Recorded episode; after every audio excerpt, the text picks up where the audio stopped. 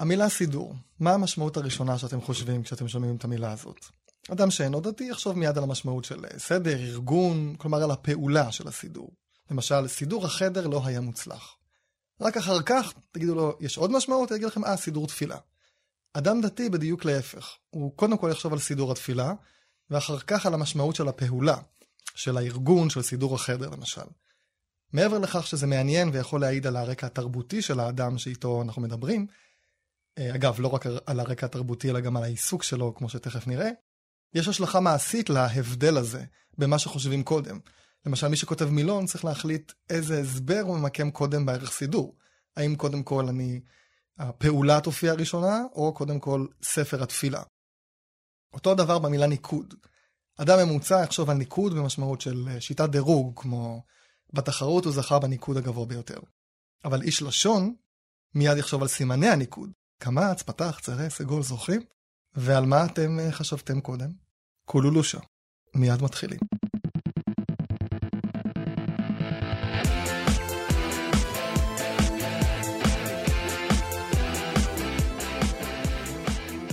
מלאכת הניקוד אה, נהייתה מקצוע. יש אנשים מומחים שמנקדים, משלמים להם כסף על זה. אה, גם מורים ללשון, די רבים אפילו לצערנו, וגם משוררים רבים לא ממש יודעים לנקד. לפעמים בפייסבוק יודעי חן בתורת הניקוד משתפים כל מיני טעויות מביכות של הגננת או של המורה ללשון, ובאתר שלי לשון ידע אתם יכולים למצוא טעויות ניקוד בשלטי חוצות וגם בפרסומות. נכון, המורה אמור להיות בוגר תואר ראשון בלשון, ולכן הוא אמור לדעת לנקה, למשל כשאני למדתי ניקוד באוניברסיטת בר אילן, ציון עובר היה 90, אבל עדיין מלאכת הניקוד היא... יש בה כל כך הרבה יוצאים מן הכלל, שלא די בקורס הזה כדי לדעת לנקה, תמיד צריך לתרגל ולהכיר עוד ועוד מילים, כי באמת אי אפשר בקורס הזה לדבר על כל המילים. עכשיו, אנחנו בעצם במצב מאוד לא הגיוני, שמערכת הניקוד שאמורה לסייע לדובר הממוצע, הופכת לאיזשהו מקצוע, ולא רק סתם למקצוע, למקצוע שמומחים, ולשאר האוכלוסייה היא לא כל כך בשימוש.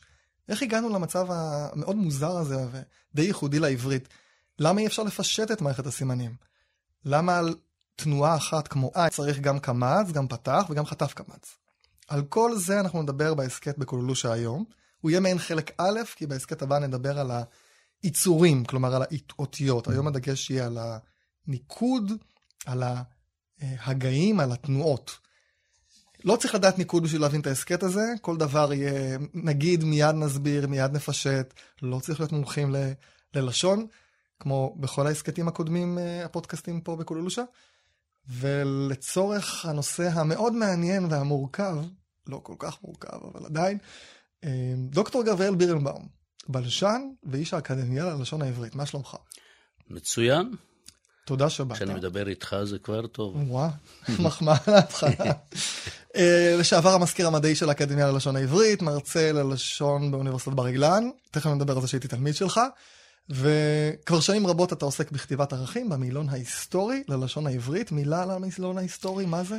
זה המילון שיכלול את כל המילים בעברית, מתחילת היותה של השפה שפה ועד היום. את כל המילים, עם כל ההיסטוריה שלהם, עם כל ההתפתחות שלהם.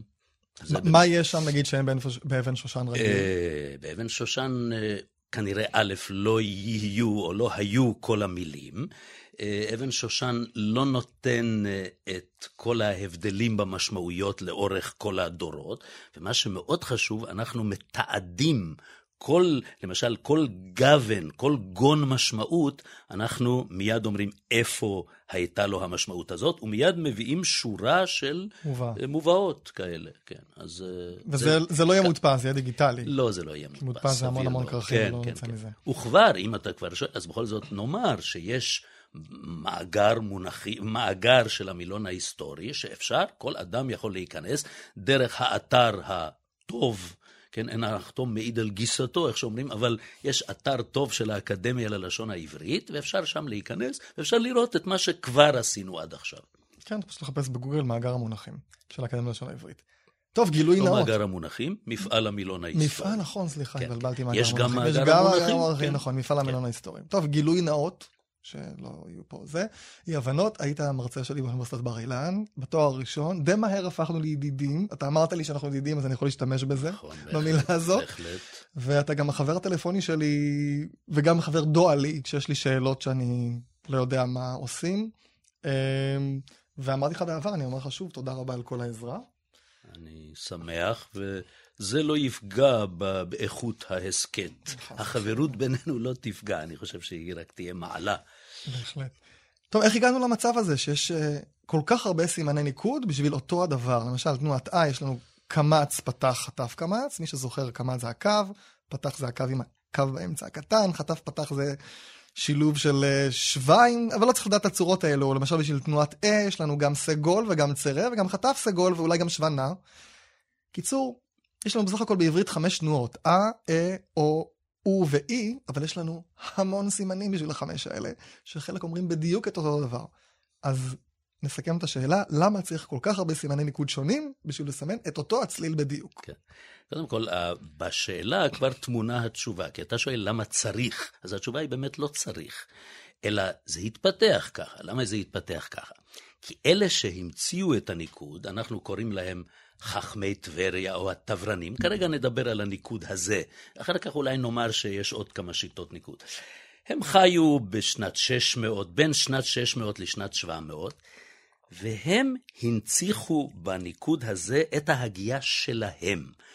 כפי שנשמעה ההגייה שלהם את התורה, את כתבי הקודש, את התנ"ך, לזה הם התאימו את סימני הניקוד. ואצלם היו שבע איכויות שונות. היו שבעה סימנים שמסמנים שבע איכויות שונות. זה מה שהם עשו. מה זאת אומרת איכויות שונות? איכויות שונות, זאת אומרת, למשל, אם אנחנו נכנסים, פתח נשמע אה, קמץ נשמע אצלם או, כן? שזה, שזה בין א לאו כזה. כן, כן, זה מין, אנחנו קוראים לזה אה אחורית, זאת תנועה אחורית. אה, היא דומה, אם יש פרסים בין המאזינים, אז בפרסים... אמא שלי פרסיה, או, היא תאזין אז, להסכת אה, הזה. כן, מי שיגיד שבת, כן, או אומר, אומרתי, כן, אז זה, זה בדיוק האו הזה, זה הפרסים. עכשיו, ההונגרים גם יודעים, אם יש עדיין כמה הונגרים מסכנים שמאזינים לנו, אז בהונגרית זה הגה מאוד חשוב, או, שהוא שונה מהאה. כן, וזה דרך אגב, לומדי הונגרית מתקשים בזה, כי לא, זאת אומרת, לומדים, שלומדים את זה כשפה זרה. כן, כן, כן. אז בכל אופן, אז אצל הטברני לא הייתה לו בעיה לנקד, מפני שכשהוא שמע אה, הוא ניקד פתח. כשהוא שמע אה, הוא ניקד קמץ. כשהוא שמע אה, הוא ניקד סגול. כשהוא שמע אה, כן, אה, תנועה גבוהה יותר, ניקד צ- ניקד תגיד שוב. את ההבדל בין כן. הצרה לסגול. אה, סגול, אה. אה לעומת אה, כן? זה מי שיודע קצת גרמנית, אז למשל מילה כמו גן, זה באותה מילה יש ללכת, גן, אה, אה, כן? אני מנסה לחשוב באיזה עוד שפות. זאת אומרת, המרוקאים אומרים, חלק גדול מהאיים שלהם, הם אומרים כדרך, בדרך, כן? אז הם אומרים את זה די קרוב לצרה שהיה הצרה הטברני. אז בעצם להם לא היו חמש תנועות, אלא שבע תנועות. היו להם שבע תנועות. שזה בעצם איכות... שבע איכויות, איכויות. כן? זאת אומרת, שבע תנועות שונות. זה. הם קראו לזה, דרך אגב, שבעה מלכים. כך קראו לזה, מלכים. ו... וזה שיש לנו גם חיריק מלא וחיריק חסר, אבל זו אותה תנועה. וזה שיש קיבוץ ושורוק, זו אותה תנועה. זה נשמע אותו דבר, רק כאן יש ו', כאן אין ו'. אז זה בגדול. עכשיו, אם אתה רוצה שניכנס קצת עוד לפרטים, ברצון רב. אז בעצם, אם אני מסכם את מה שאתה אומר, יש לנו כל כך הרבה תנועות לאותו דבר, כי במקור אצלם היה הבדל בין בדיוק. קמץ לפתח, בין בדיוק. לסגול, כן. ולכן יש לנו כל כך הרבה. סימנים. וירשנו אותם כן. פשוט. כן, בדיוק כך. אפילו ו- שההגייה שלנו היא כן, אחרת. אז, אז כאן אומנם צריך להגיד, אז איך קרה פתאום שההגייה היא אחרת? או. כי הדבר המעניין הוא שאלה שהמציאו את הניקוד, גם אז היו במיעוט. גם אז רוב עם ישראל, כנראה גם באותה תקופה, לא הגה כפי שהם הגו.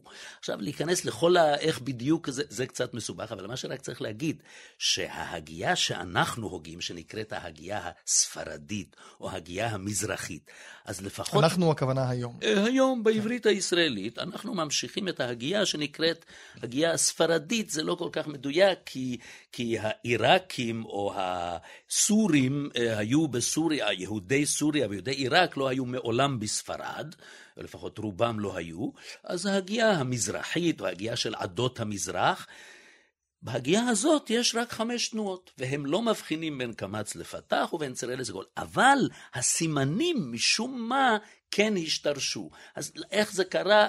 האמת היא שאנחנו לא בדיוק יודעים, אבל זוהי עובדה, שכולם ירשו את הסימנים, אבל אף אחד כמעט לא המשיך להגות את ההגייה התברנית.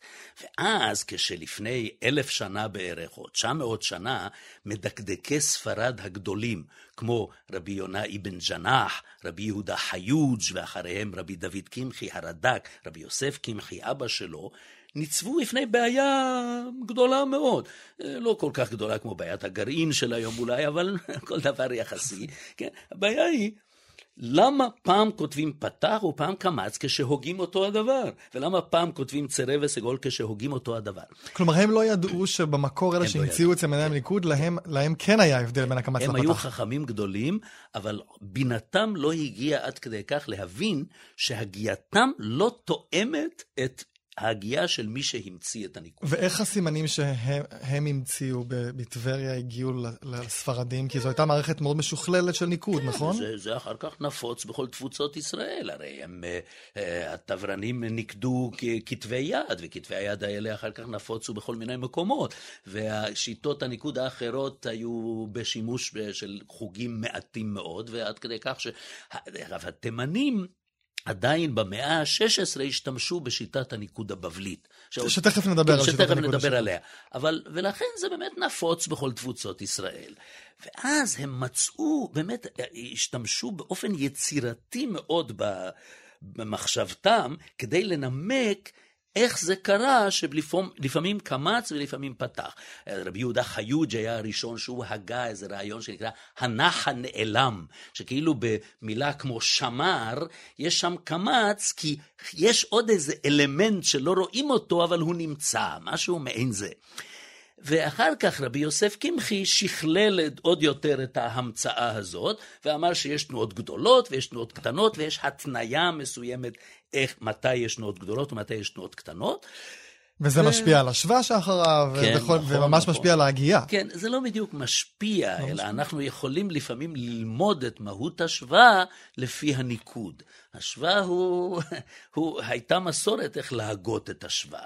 ודרך אגב, הספרדים באמת לא הגו את השווה כפי שהגו אותו התברנים.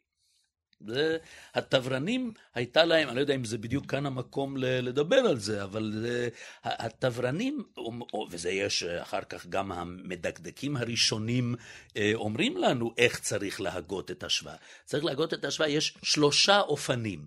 ההגייה הרגילה של השוואה הנע היא אה, דווקא אה, לפני עיצור גרוני בתנועת הגרונית, ולפני י' אי. זאת אומרת, יש שלושה... כמו אצל התימנים היום. בדיוק כך. את זה המשיכו התימנים והתימנים בלבד.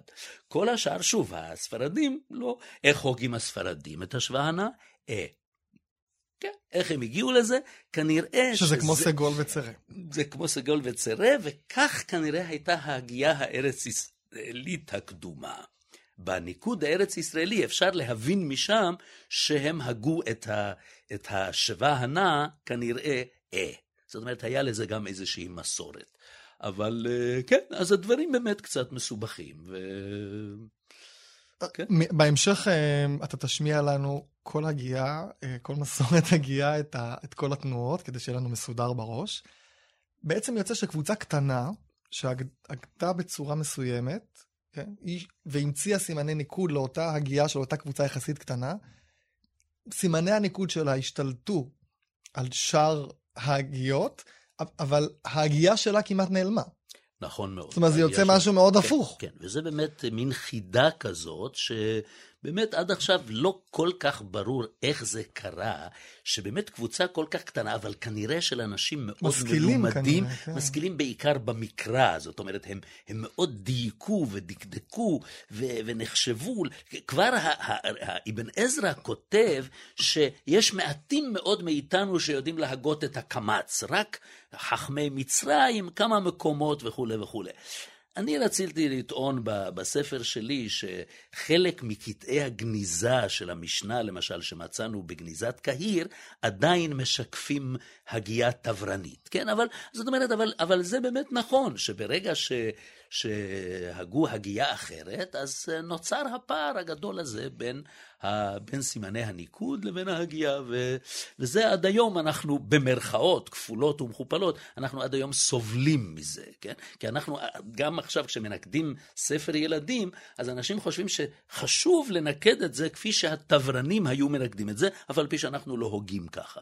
ככה חושבים חלק גדול מהאנשים. אני למשל לא חושב ככה, אבל זה אולי או, נגיד... רגע, נדבר על זה כן, בהמשך. כן, על מי כן, שרוצה כן, לבטל את, אה, או לפשט חלק מהמערכת. כן, אז אני רוצה לחדד עוד נקודה. בעצם בתקופת אה, חכמי טבריה, התברנים נקרא לזה, לא חכמי טבריה, היו כמה, אה, הילכו כמה הגיות. כן. באותו זמן. זאת אומרת, לא כולם דיברו אותו דבר. לא. לא. כמה קבוצות היו? כן, היו, אנחנו בדרך כלל מדברים על שלוש קבוצות. עיקריות, כן, וכנראה שגם המיקום שלהם, שוב, זה לא לגמרי ברור, אז יש שיטה אחת שנקראת השיטה הבבלית, או הניקוד הבבלי. שזה בעיקר שזה בבבל? כנראה, כנראה זה היה באמת בבבל. כלומר, בארץ כן. ישראל הרוב... כן, בארץ ישראל היה, בטבריה ואולי בצפון ארץ ישראל הייתה כנראה באמת הגייה תברנית, אבל בדרום ארץ ישראל או בחלקים האחרים של ארץ ישראל, כמה יהודים שהיו אז בכלל, הרי לא היו הרבה יהודים. אנחנו מדברים על המאה השביעית, שמינית לספירה, אה, דווקא הגו הגייה, מה שאנחנו קוראים ההגייה הארץ-ישראלית, שהיא הייתה אחר כך הבסיס להגייה של עדות המזרח,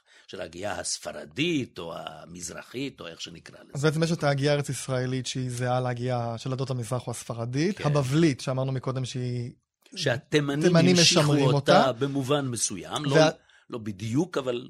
כן. והתברנית שהיא דומה לאשכנזית בעצם. שהאשכנזית אחרי המאה ה-13 הבחינה את אותם ההבחנות שהם הבחינו, אבל לא בהכרח בדיוק כפי שזה נשמע בתקופת התברנים. זה מאוד מעניין, כי עד המאה ה-13 האשכנזים הגו הגייה מזרחית. כמו גם- הספרדים. כמו הספרדים, היו להם חמש איכויות, אין בזה ספק חמש היום. תנועות, אה, חמש תנועות, כן. כן. אה, הראשון שהראה את זה בצורה ברורה היה חנוך ילון, הבלשן החשוב, ואחר כך אילן אלדר בספרו החשוב על ההגייה הקדם-אשכנזית. עדה אז. היום, כן, היום נוח לקרוא להגייה הזאת עד המאה ה-13 בערך הקדם-אשכנזית. אבל אחר כך, מסיבה כלשהי שאנחנו לא בדיוק יודעים, האשכנזים עברו להגות שבע איכויות, אבל לא בדיוק אותם האיכויות שהיו לתברנים. אז אם נגיע לזה אחר כך, אני אומר במה כן. זה שונה.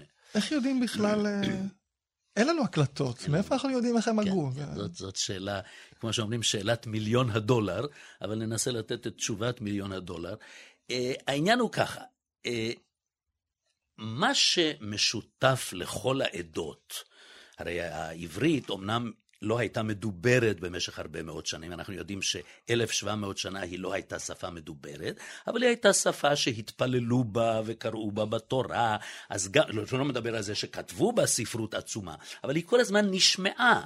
הילד לא פנה לאימא שלו ב- בעברית, אבל בבית הכנסת את קריאת שמע הוא אמר בעברית, ואת קריאת התורה קראו בעברית. אז יש מסורת בלתי פוסקת, החל מ... אני לא יודע ממתי נתחיל, מעזרא הסופר נתחיל.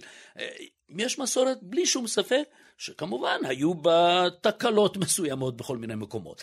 אז אם אני רואה למשל שאת הפתח, כל העדות, בלי יוצא מן הכלל, אני לא יודע אפילו יוצא מן הכלל אחד לזה. כל העדות, סוף יש, סוף אין כמה עדות. יש לנו? 70 עדות בערך. כן, אבל שבע בוודאי, אבל מה, עשר, עשרים, לא יודע איך, איך ניקח את זה. כולם הוגים את זה אה. משמע שהגו את זה אז אה, אין, אני לא צריך לחפש יותר הקלטות, מזה. לא צריך כמובן, הקלטות. יש לי עוד, אה, יש עוד, אה, תכף נדבר שיש עוד עדויות, אבל זה, נקודת המוצא צריכה להיות זו. מה שמשותף לכולם, אין לי ספק ואני לא צריך לחפש יותר. אם קיבוץ או שורו כולם הוגים הוא, המילה כולם פה נגיד 99 אחוז, אז זה היה הוא. אם חיריק כולם הוגים אי, זה היה אי, אין לנו ספק. אז בעצם הספקות הם רק בקמץ פת- קמץ לעומת פתח. שוב, הפתח עצמו אין ספק. הספק הוא איך היה הקמץ. ו... ונניח היחס בין הסגול לצרה. אז עכשיו את זה, קודם כל, אנחנו, יש לנו אה, כמה עדות שבכל זאת אה, משמרות משהו דומה. אמרנו קודם שהפרסים, הוגים קמץ אה. אז נכון שיש לשער שהם הושפעו מהפרסית שיש בה ה... או, כן, יש בה האה הזאת, כן? אבל, אבל זה לא יכול להיות מקרי, כן? וזה שהתימנים הוגים קמץ או, זאת אומרת, קרוב מאוד לאו, אז זה גם מראה שזה משהו בכיוון הזה. ב... עכשיו, זה לא יכול להיות או ממש, מפני שלאו יש תנועה אחרת, יש החולה. אז סביר שזה משהו בין א לאו. עכשיו, יש לנו גם ראשוני המדקדקים, יש למשל, היה מדקדק אחד במאה, נדמה לי חי במאה העשירית, כתב על זה אילן אלדרד, שנקרא הוריית הקורא. והוא מנסה שם באמצעים, ה, אם מותר להגיד ככה, הפרימיטיביים שהיו בידו, לא הייתה הקלטה, להורות לקורא איך צריך להגות. וואו. כן, כן. זה כמו להסביר לעיוור uh, צבעים. משהו כזה, אבל ההבדל הוא שאם הוא עיוור מלידה, אז זה לא יעזור שום דבר. אם הוא לא עיוור מלידה, זה כן יכול לעזור לו. עכשיו, אותו דבר, פה הוא מסביר למישהו שכן הוגה, שכן קצת מדבר, ואז הוא אומר לו, אז למשל, עכשיו, גם השם קמץ, למשל, מראה על משהו שאתה מכווץ, לקמץ את הפה, משהו כזה, או. או, כן?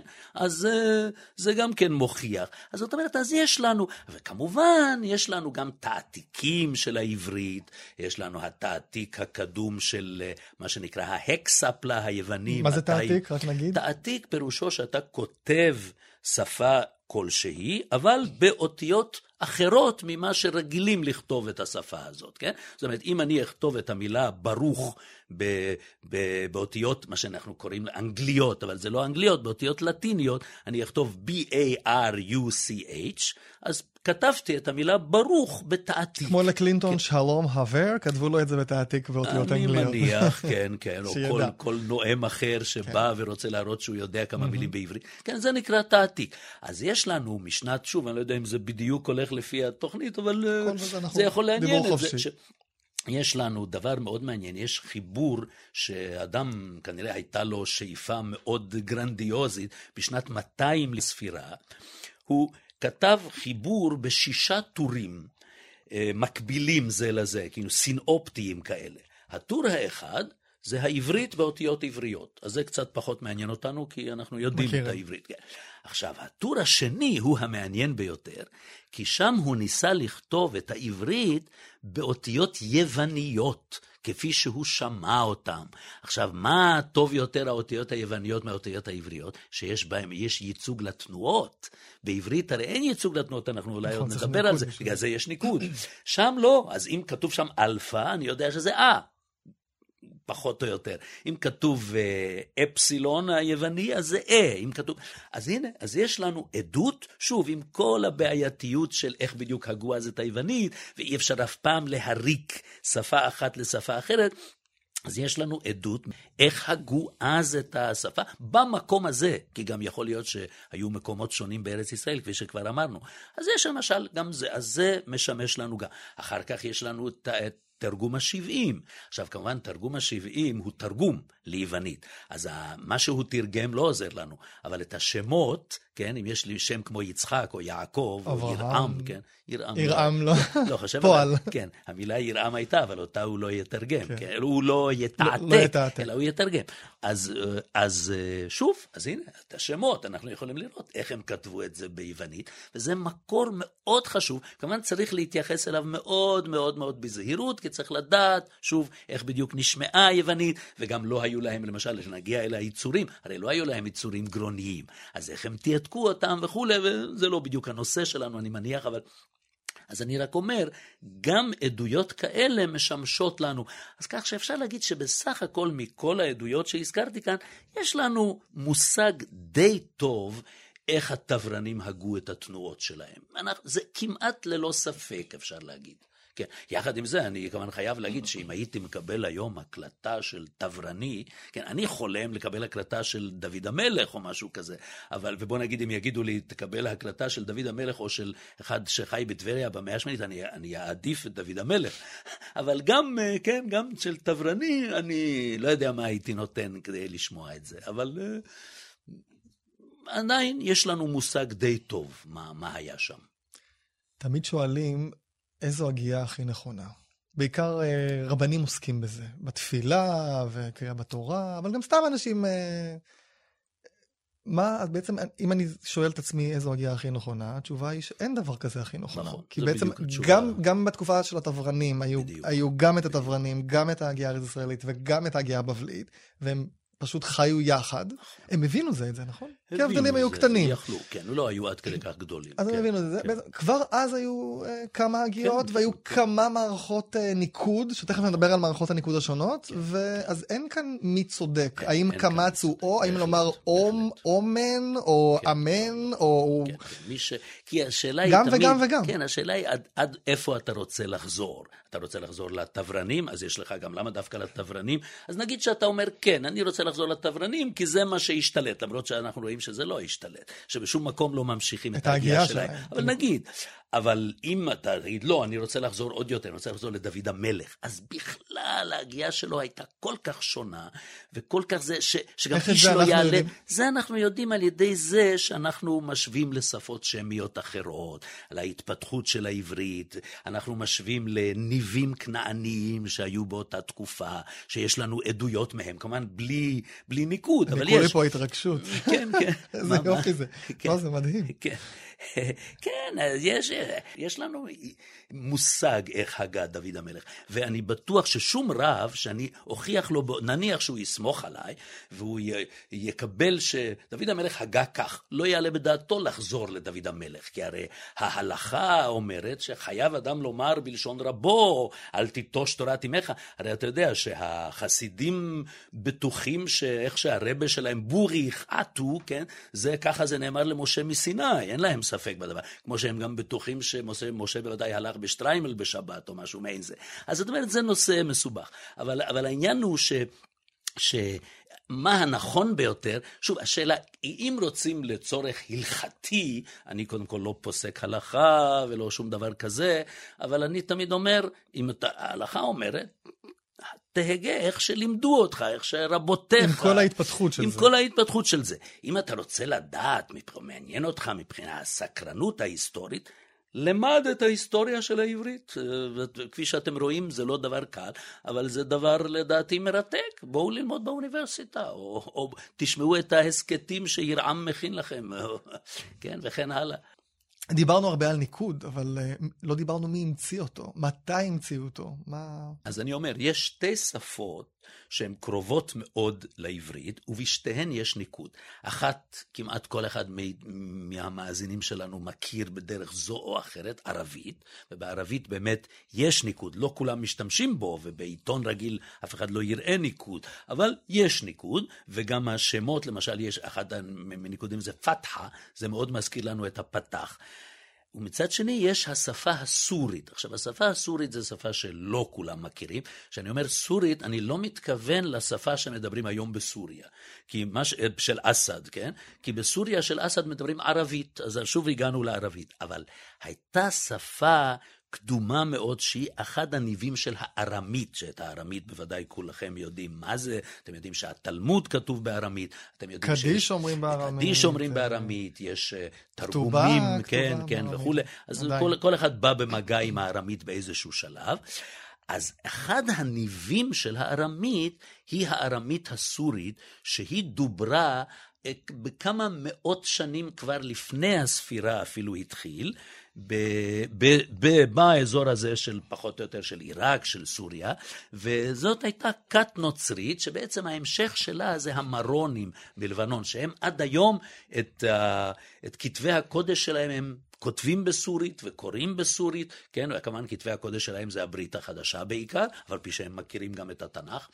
אז בשתי השפות האלה היה ניקוד. עכשיו, הערבית בוודאי הגיעה לזה מאוחר יותר, כי אה, הערבית, אה, זאת אומרת, אה, בוא נגיד, אנחנו, האמת היא שיש סמיכות בזמנים, מפני שאם אנחנו מדברים על תחילת הכיבוש הערבי במאה השביעית, אז זה די קרוב לתקופה שאנחנו מדברים בה. אבל ה...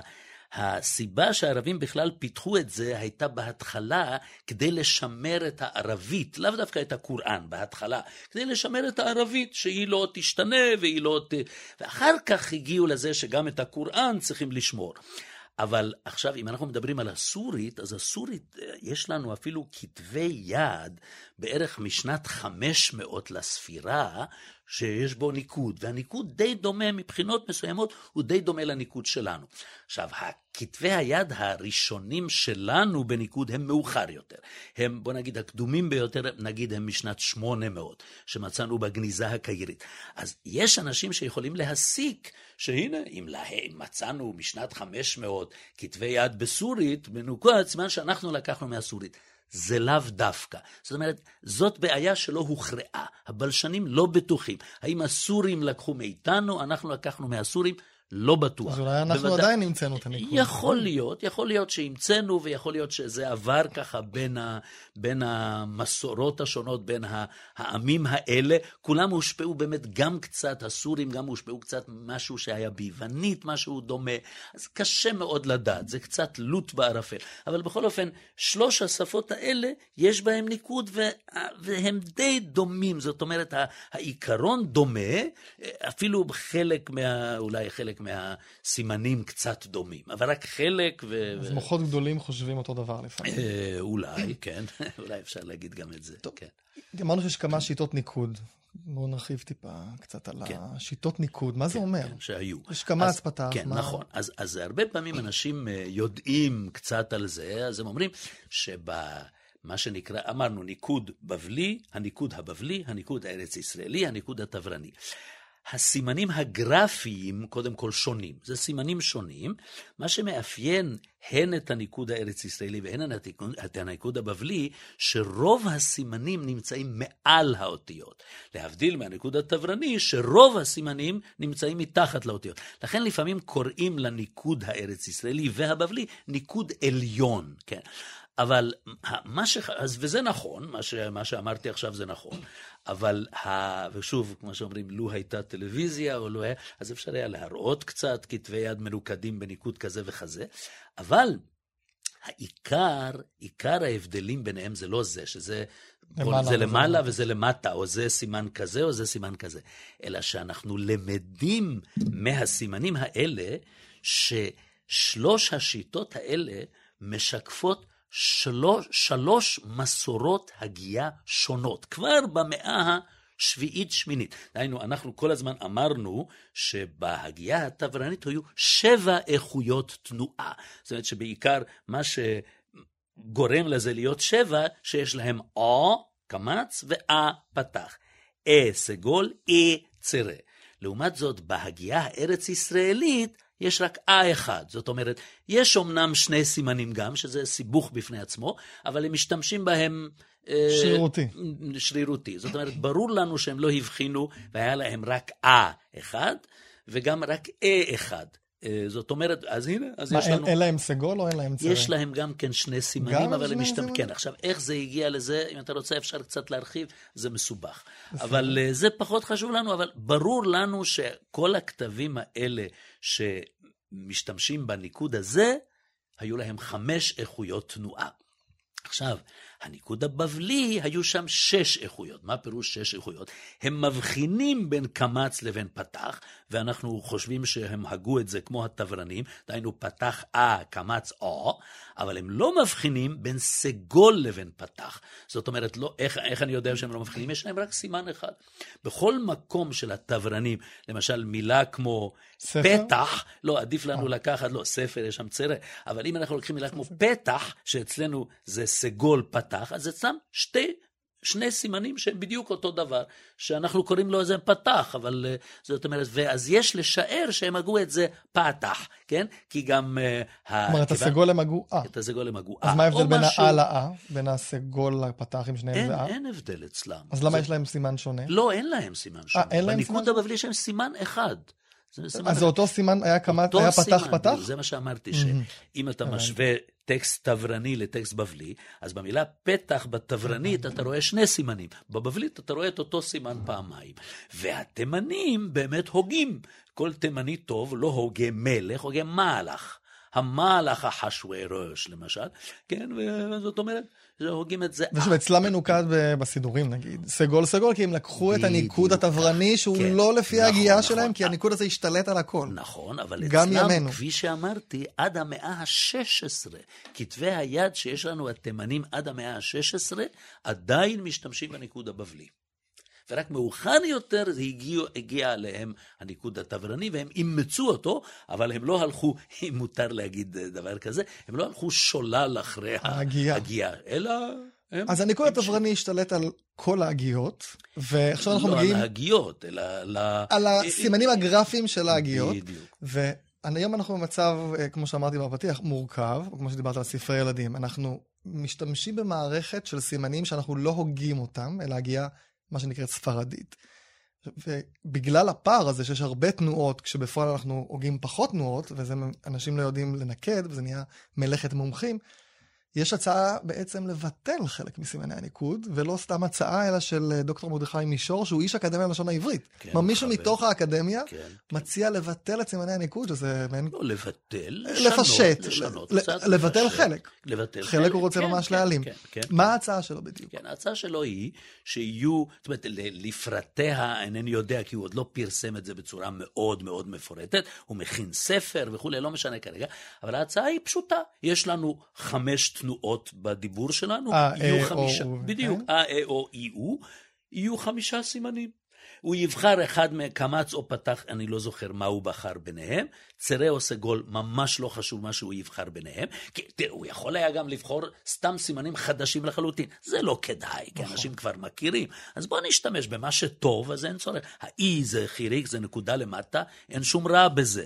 אה, שורוק וקיבוץ גם כן בסדר, כי פה יש ו', פה אין ו', אז זה- לא מהווה מכשול. המכשול הוא הקמץ והפתח, צרה והסגול. אז בואו נבטל את זה, הרי הניקוד, כמו שאמרת, הוא צריך לשמש עזר. הוא. דרך אגב, הוא שימש עזר גם אז. הם המציאו את זה לא כדי שבו עכשיו אנחנו ככה נ... נעשה איזה תרגיל אה, אה, אקרובטי במי יודע. פשוט, אני רוצה שתדעו איך לקרוא נכון את התורה, איך לקרוא נכון בתורה, שתדעו מתי לבטא מה. זה, היה, זה שימש צורך אה, שימושי ממדרגה ראשונה. הגולם קם על יוצריו, ממש ככה. אז פתאום זה מסוימת- נהיה תורה מסוימת, קדושה, כן, כן, בדיוק ואנחנו כך, כפופים בדיוק לה. בלי שהיא נכון, תשרת נכון. אותנו. נכון, זה באמת ככה. אז עכשיו, אני האחרון שאטען שלא כדאי לפ... שאדם ידע גם את הניקוד ההיסטורי. זה דבר, לדעתי, גם מרתק, ויש בזה כל מיני אה, דברים, תובנות מעניינות. זה יכול ללמד אותנו הרבה על ההיסטוריה של העברית ועל ההיסטוריה של המילים. כל זה טוב מאוד באוניברסיטה. לא בבית הספר היסודי, אפילו אולי לא בתיכון. מספיק, ש... בתיכון אולי בחמש יחידות או משהו כזה. ילד שלומד, מה אתה צריך לבלבל אותו עם כל כך הרבה סימנים? שידע שפה קוראים אה ופה קוראים אה, וזה מה שרוצה מישור לעשות. שיהיו חמישה סימנים, כל אחד ידע לנקד. הבעיה נשמע באמת, שאתה מאוד מזדהה איתו. אני בהחלט מזדהה איתו. היית אני- היית גילוי- חותם על ההצעה שלו, פחות או גילוי יותר? נאות, אם אתה... גילוי נאות, לפני שהוא, בפעם הראשונה, לפני שהוא יצא בהצעה שלו, הוא כתב לי מכתב. הוא כתב לי ואומר לי, ככה אנחנו ידידים, כן?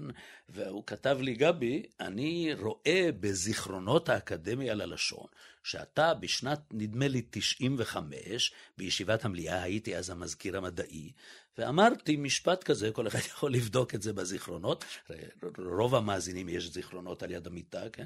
אז... לי יש בספרייה, לא ליד כן, יש- המיטה, אבל בסלון. אז הם יכולים לבדוק שאמרתי משפט כזה, לו ידעתי שיש סיכוי שהדבר יתקבל, הייתי מציע מערכת של חמישה סימנים לעברית הישראלית. אבל כיוון שאני יודע שאין לזה סיכוי, אז אני לא טורח, משהו מעין זה. והוא כתב לי במכתב, האם אתה עדיין עומד בעניין הזה? ואמרתי לו, בוודאי. כן, אז טוב, בסדר, אחר כך הוא יצא בהצעה, אבל לא, לא שאחרת הוא לא היה...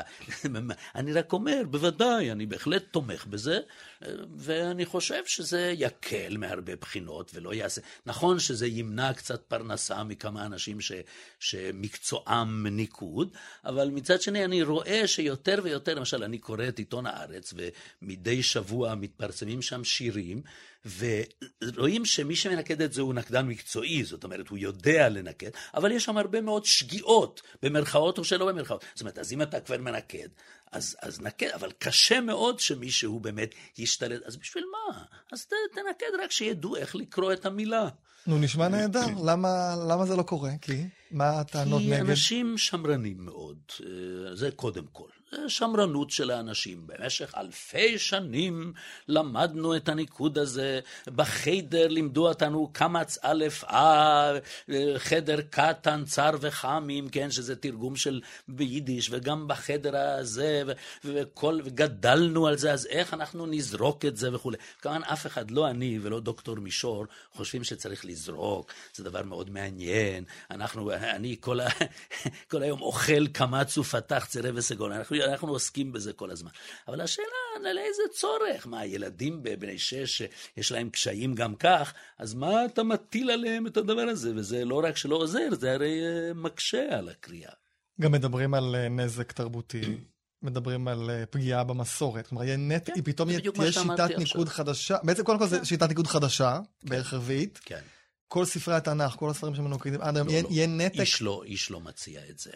גם, אני חושב שגם מישור מציע שאת התנ"ך בינתיים נשאיר בניקוד הזה. נראה אחר כך מה שיהיה. אז, אז עדיין יצטרכו ללמד את הילדים את הניקוד הזה. איך, איך קוראים, איך, איך, זאת אומרת, הם צריכים להקים פתאום סימן שהם לא מכירים בניקוד. נכון, צודק. יש כאן בעיה צודק, בשיטה צודק, הזאת. יש, בהחלט. אי אפשר לנתק כן, את השרשרת. אבל אפשר בהחלט לעשות, לצורך, כשמתחילים בכיתה ב'-ג', אז אפשר להדפיס באמת תנ"ך לצורך זה עם ניקוד מפושט יותר, כמו שאתה עושה גם, בהתחלה אתה מלמד אותו בניקוד, ואחר כך אתה מלמד אותו כתיב לא מנוקד שהוא שונה, אז אתה, אתה עושה את המעברים האלה. אותו עוד, עוד אחד. אה, זה לא זה, אתה, אתה אומר לו, עכשיו זה הטקסט המקורי, אז יש עוד כמה סימנים. זה יותר קל בכיתה ו' או ז' להגיד לו, עכשיו, עכשיו אנחנו נותנים לך טקסט, אז תדע לך שיש פה עוד שני סימנים, אבל זה גם אה, מאשר בגיל, בגיל, בגיל 6 כבר להתחיל לבלבל אותו עם שני סימנים. אבל אני מודה שיכול להיות פה קושי, בהחלט יכול להיות קושי.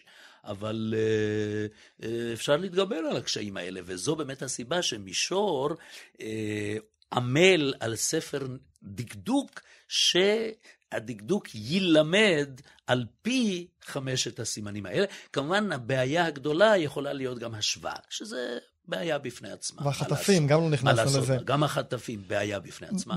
יש סיכוי להצעה שלו? אתה חושב לא, ש... לא, לא, לעולם לא? לא, או... לא לעולם לא, אבל כרגע לא. בעיקר, אם רוצים שהאקדמיה תכשיר את זה, לפי מה שאני מכיר את חברי האקדמיה, רובם לא ייתנו לזה יד, אבל אה, מה שכן, הרי האקדמיה, אין לנו משטרת לשון. כל אחד יכול להדפיס ספרים, הוא יכול לעשות משהו ניסיוני. בוא נדפיס כמה ספרי ילדים בדרך הזאת, בוא נראה איך הילדים משתלטים על זה, אה, וכולי וכולי, ואז אולי אם יראו שזה כל כך טוב וקל, אז אולי כן, אבל בעתיד הנראה לעין קשה לי להאמין שלפחות האקדמיה ללשון תאמץ את זה, קשה לי לראות.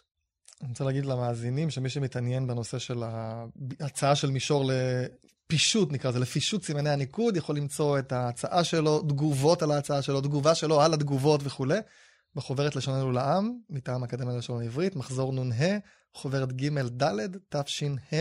תשס"ו. תש"ה אמרת? תשס"ה, סליחה, ותשס"ו, לא כן, תש"ה. זאת אומרת... כן, מחזור נ"ה, אפשר למצוא את הכל שם. לפני עשר שנים, 12 שנה, כן? משהו כן, כזה. אז יש שם הכל מוסבר מאוד מאוד יפה. אמ, ועד הלשון, אם מדברים על אקדמיה הלשון, שהיא ממשיכה את ועד הלשון, בעצם הוא קבע שההגייה הספרדית, שמה שאנחנו הוגים היום כאמור, היא ההגייה, הרי כשחיו או חידשו את העברית, יכלו לבחור איזו הגייה שרצו. רובם דווקא היו יוצאי אשכנז, והם דווקא הגו את ההגייה האשכנזית. כן. והם אמרו, לא, אנחנו נבחר בהגייה הספרדית. למה? כן. קודם כל, היו ויכוחים, זה לא היה כל כך פשוט, והיו דיונים על זה, ויש דיונים באמת מעניינים בחוברות של זיכרונות ועד הלשון, אני ממליץ לכולם לקרוא, וזה מרתק. אה, יש לזה כמה סיבות. סיבה אחת יכולה להיות שאותם האשכנזים, כמו בן יהודה וחבריו, הם לא רצו במורשת האשכנזית הגלותית שלהם. זאת אומרת, כשהם באו ארצה והם שמעו את ההגייה המזרחית של יהודי המזרח, הם אמרו, זה משהו קדום יותר, זה משהו שיש לו הוד קדומים, ואנחנו לא רוצים. כל הקונוטציה הזאת של החיידר ושל המלמד ושל, ה... ושל בתי המדרש, הם רצו להתרחק מזה. עכשיו, זה לא אומר שלא היו ביניהם גם אנשים... אנשים דתיים, היה, או שומרי מצוות. החבר קרוב של בן יהודה היה יחיאל מיכאל פינס, פינס. שהוא היה כמעט גם רב, כן, וכולי וכולי. אבל זה היה הדבר. עכשיו, גם מבחינה היסטורית, הם הבינו, וחלק מהם היו תלמידי חכמים גדולים, וגם ידענים גדולים, בן יהודה אין מה לדבר. אז הם ידעו שמבחינת ה... ההבחנה בין ההגאים השונים, בוודאי ובוודאי שעדות המזרח קרובות יותר למקור מאשר האשכנזים. הרי אם הם הוגים ח' ועין וט' וסדי וקוף, והאשכנזים לא הגו, אז ברור שזה המקורי. אה, דבר נוסף, הרי אה, כשאנחנו יודעים שאמרנו ש-1700 שנה לא דיברו עברית, אבל ביישוב הישן בירושלים, האשכנזים בוודאי לא דיברו עברית, וגם הספרדים לא דיברו עברית, כי כל עדה, בכלל אנחנו יודעים שהקהילות במאה ה-19 ובתחילת המאה ה-20 בירושלים היו מפולגות מאוד, וכמעט שלא היו קשרים הדדיים, הם לא התחתנו זה בזה, מאוד מעניין לקרוא על זה, וזה אולי גם קצת מעציב שזה היה כך. אבל מה, היה מקום אחד שהם כן נפגשו. איפה זה היה? בשוק. בשוק בכל זאת קנו גם אשכנזים וספרדים וגרוזינים ופרסים ו- ודוברי לדינו וכולי. כל מה שאמרתי עכשיו זה לא רק דוגמאות, זה, כל אלה היו. עכשיו, איך הם דיברו זה עם זה? כיוון שדוברי גרוזינית לא ידעו יידיש, ודוברי יידיש לא ידעו גרוזינית, אז הם היו צריכים, אז הם דיברו שם, יש לנו עדויות על זה, גם של בן יהודה עצמו, גם של אחרים. הם העלו מנבחי מוחם את העברית שידעו מהחדר, מהישיבה, מה... לא יודע מאיפה, ודיברו במין עברית בסיסית כזאת, מה שנקרא, כמו שאומרים, basic English, אז זה basic Hebrew כזה, דיברו. אז קודם כל זה הוכיח לבן יהודה, בן יהודה, הנה, אם רוצים אפשר לדבר. זאת אומרת, יש לזה סיכוי, זה לא... כי הרבה אמרו לו, אנחנו יודעים, מה פתאום, אף אחד לא ידבר, שפה שכבר לא דיברו בה וכולי. והנה, עובדה שאנשים מדברים, קצת עברית עילגת. ומה הייתה, איך נשמעה, שוב, אין לנו לצערנו הקלטות של זה, היא כנראה הייתה יותר ספרדית מאשכנזית. כנראה הסיבה למה, קודם כל זאת העובדה, שכך זה היה. זאת אומרת, האשכנזי ניסה להתאים את הגיעתו לספרדי ולא להפך. למה? אז על זה כתב יוסי עופר, ידידי ורעי פרופסור יוסף עופר, אחד מחשובי חוקרי המסורה, אבל הוא כתב גם על דברים אחרים. קל יותר לאשכנזי לוותר על הבחנות, מאשר לספרדי לעשות הבחנה שלא קיימת בלשונו, כן? זאת אומרת, הספרדי שפתאום במקום שבת צריך להגיד שבוס, אה, אה, יהיה לו קשה לעשות את זה. יש מאין.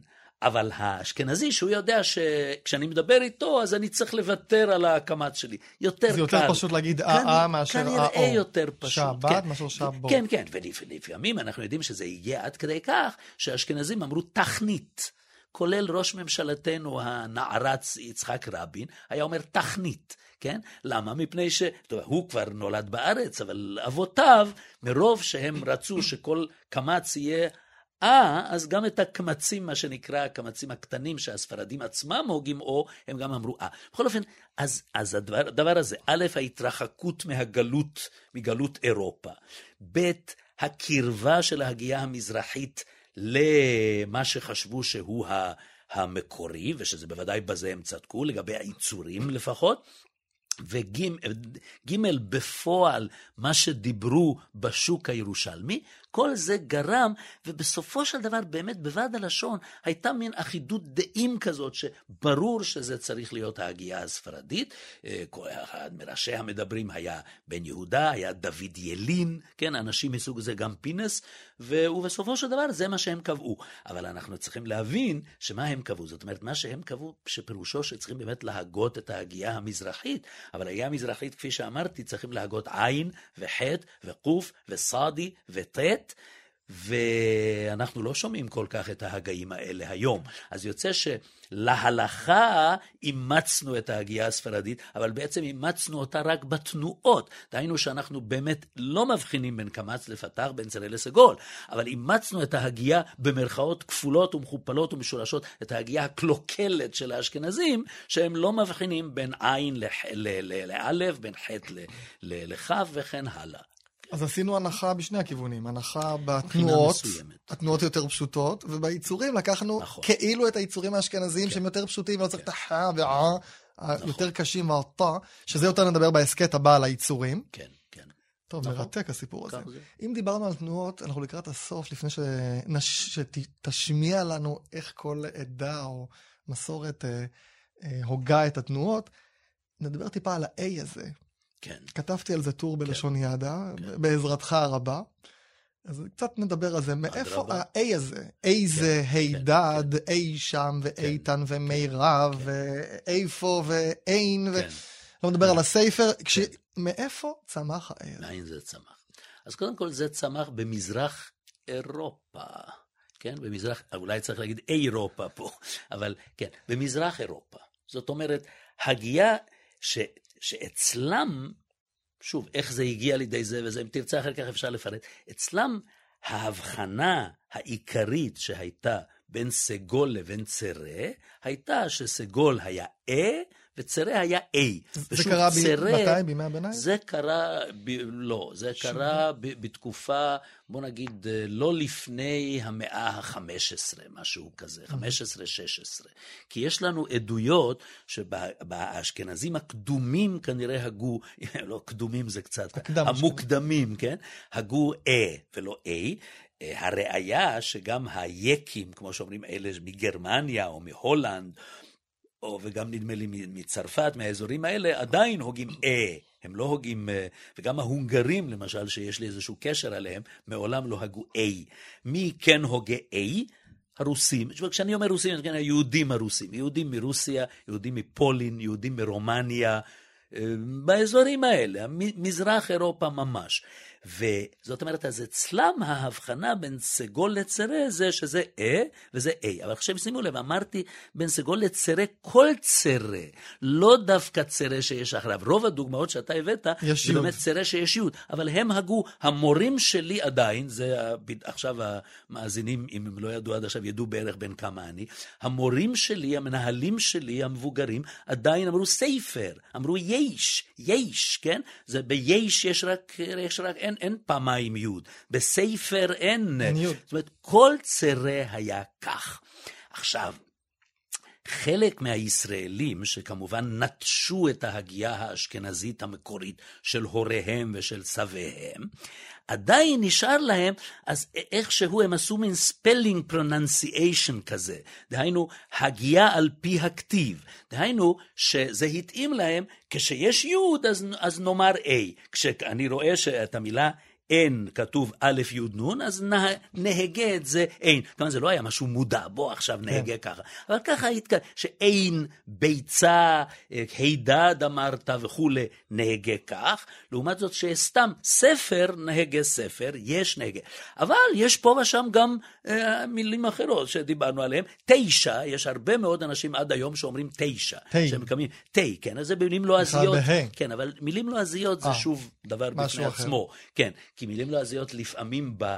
בשפה עצמה, המקורית לפעמים יש... לייזר. כן, בדיוק, אז שם זה במרכאות מוצדק, כן? מי שיגיד לזר זה יהיה קצת מוזר, כן? או זה כמו שמי שראה את הטורטלים האחרון, כן? אז uh, אתה, לא, אתה לא יודע מה זה, אני לא, רואה, אני אתה לא יודע מה שאתה מה זה מפסיד. טורטלים? כן, כן. אתה לא יודע מה אתה מפסיד, אבל בסדר, אני, אני אומר לך אחר כך. יצאתי קצת, אה, זה, כן. לא מעודכן עכשיו? לא, לא, אה, ארץ נהדרת, ראית אי פעם? אני ראיתי, אבל לא כל כך רואה. אתה לא, טוב. את חטאיי אני מזכיר זה, היום. זה באמת חטא גדול, במרכאות כמובן, אבל בכל אופן שם הם מדברים על דילה שיש להם ב... במטוס, יש לו דילה, ובכוונה הם עושים את זה, ואפילו בכתובית הם כותבים את זה בה' בסוף, כן? אז כאילו להראות את זה שיהודים מזרחים אומרים דילה, כי הם לא רגילים להגיד A. היום גם רוב המזרחים הצעירים אומרים A וכולי וכולי, כמו שאתה בוודאי יודע. כתבתי. אז זה, זה, אני חושב שזה הסיפור. יכול להיות שהשמצתי משהו ב...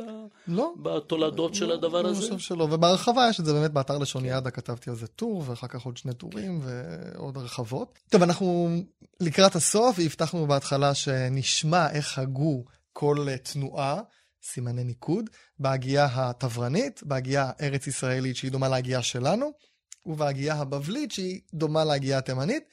אה, בכבוד. כן, אז ככה, הגייה התברנית המקורית, כנראה כך, קמץ או, פתח אה, צרה אה, סגול אה, חולם או, מלא וחסר, קיבוץ הוא, שורוק גם כן הוא, אותו דבר, חיריק אי, שבה נע, אה, ולפעמים קצת שונה מאה, אבל ש... שווה נע רגיל הוא אה, חטף פתח אה, חטף סגול אה, חטף קמץ או.